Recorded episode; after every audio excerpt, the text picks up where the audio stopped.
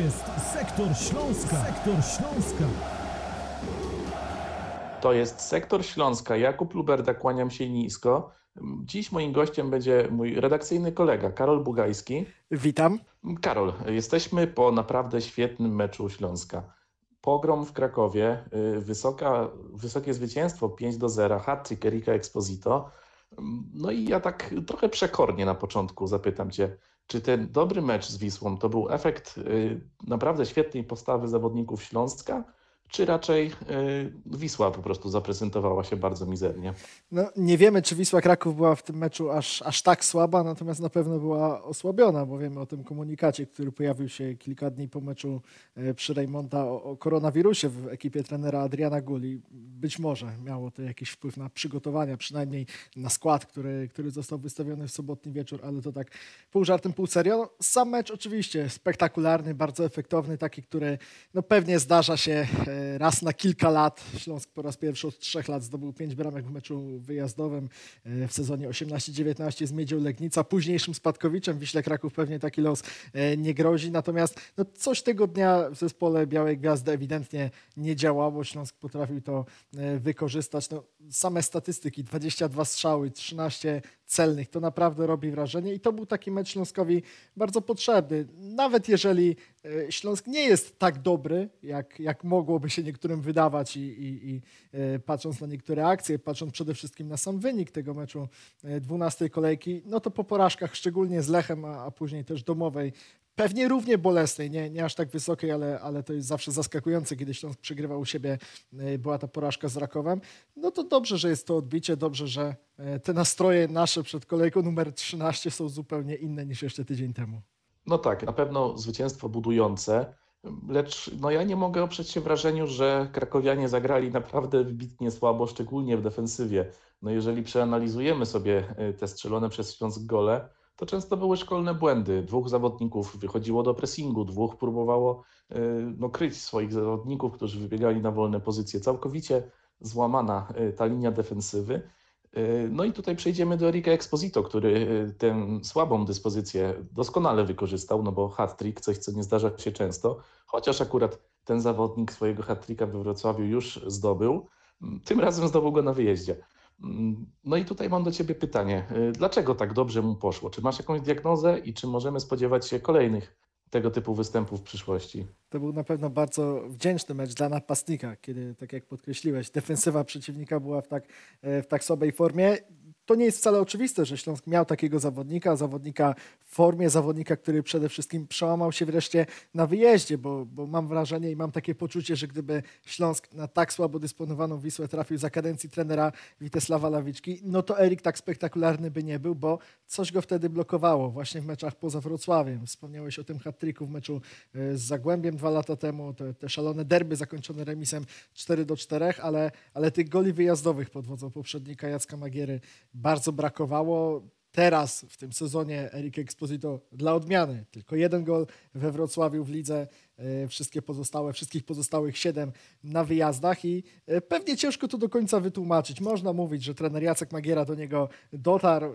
Ja pytałem szkoleniowca Śląska o to na pomeczowej konferencji. On oczywiście mówił o tej otwartej głowie, która jest ważna zawsze w piłce, a we współpracy z tym piłkarzem chyba szczególnie o tej pracy indywidualnej, właśnie mentalnej, która jest wykonywana z Erikiem Exposito e tal.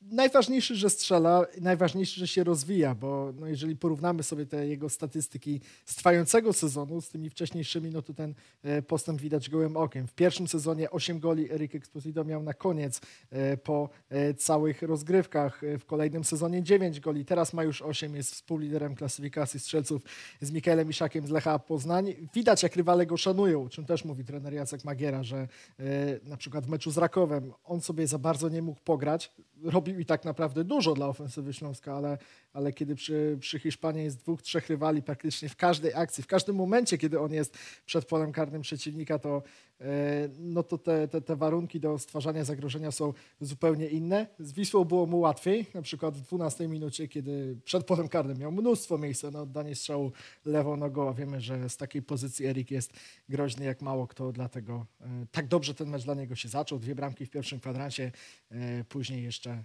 ten pewny strzał z 11 metrów i ten taki bardzo charakterystyczny gest, bo, bo gwizdali kibice Wisły, chcieli go zdekoncentrować przy tej 11, natomiast on trafił e, bardzo spokojnie, pokonał Mikołaja Biegańskiego i tak rozłożył ręce, pokazał w kierunku trybun. No cóż ja mogłem zrobić? Po prostu to był, to był mój dzień i, i, i zaprezentował się ze znakomitej strony Hiszpan. Występ Exposito rzeczywiście był istnie spektakularny.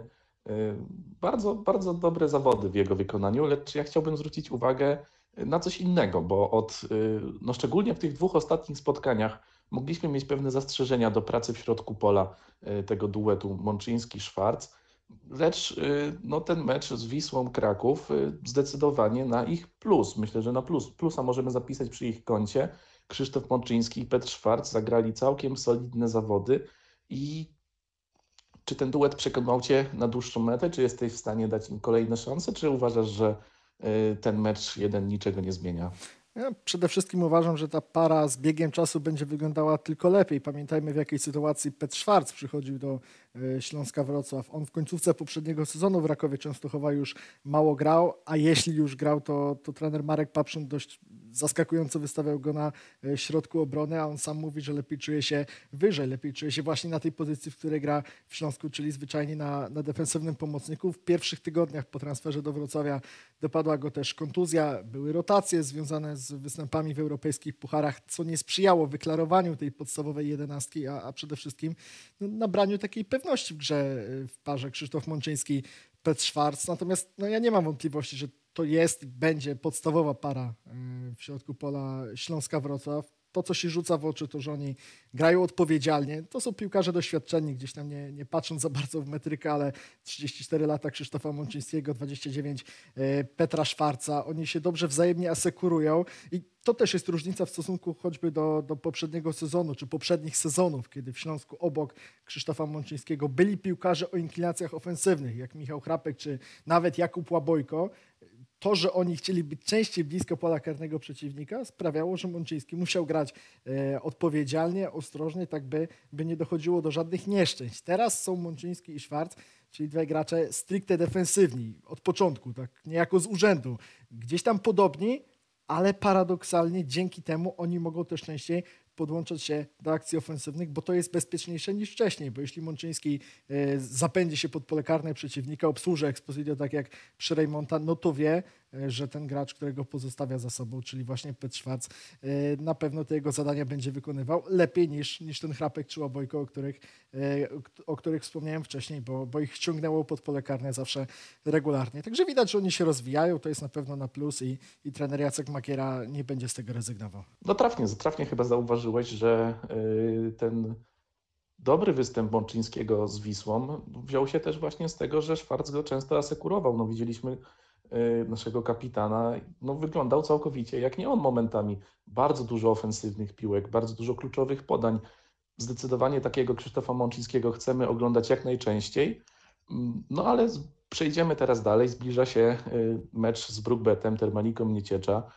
Mm, Spotkanie pozornie wydawałoby się proste, lecz mamy w pamięci ten mecz y, pucharowy, który jednak sprawia, że no z pewną obawą chyba możemy podchodzić do sobotniej rywalizacji. Czego ty oczekujesz w tym meczu od Śląska?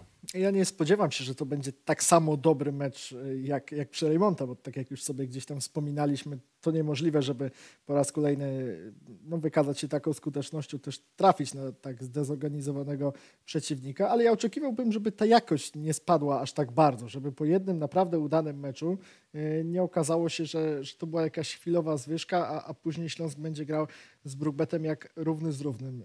Wiem, że Brookbet u siebie szczególnie, zapewne, nigdy nie byłem w Niecieczu, ale podejrzewam, że jest tam e, specyficzna atmosfera, zwłaszcza kiedy mecz odbywa się w sobotę o 12.30.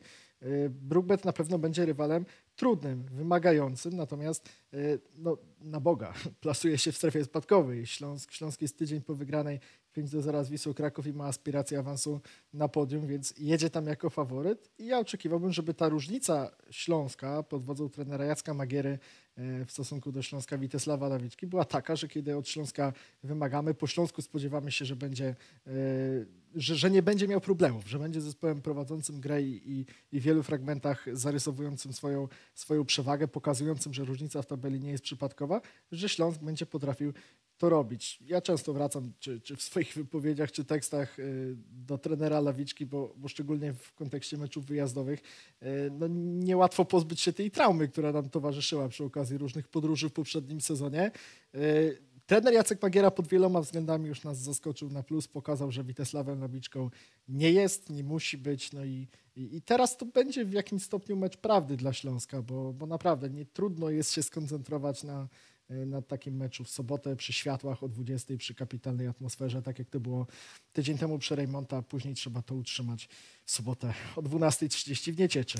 No tak, ja myślę, że jeżeli y, od Śląska, no to co pokazało ostatnie mecze, no niekoniecznie możemy jeszcze w tej chwili, na chwilę obecną oczekiwać, że będzie regularnie wygrywał z firmami pokroju Lecha Poznań, y, no to myślę, że no fajnie byłoby, jeżeli chcemy bić o wyższe cele, większe cele, no zwyciężać z takimi drużynami jak y, Brookbet. Dziękuję Ci za dziś, Karol. Y, Zapraszamy oczywiście na naszą stronę. Możecie odwiedzić również stronę naszego partnera Superbetu. Mm, Ja się z Państwem żegnam. Moim gościem był Karol Bugajski. Dziękuję bardzo. Dziękuję również Jakub Luberda. Hej Śląsk! To jest Sektor Śląska. Sektor Śląska.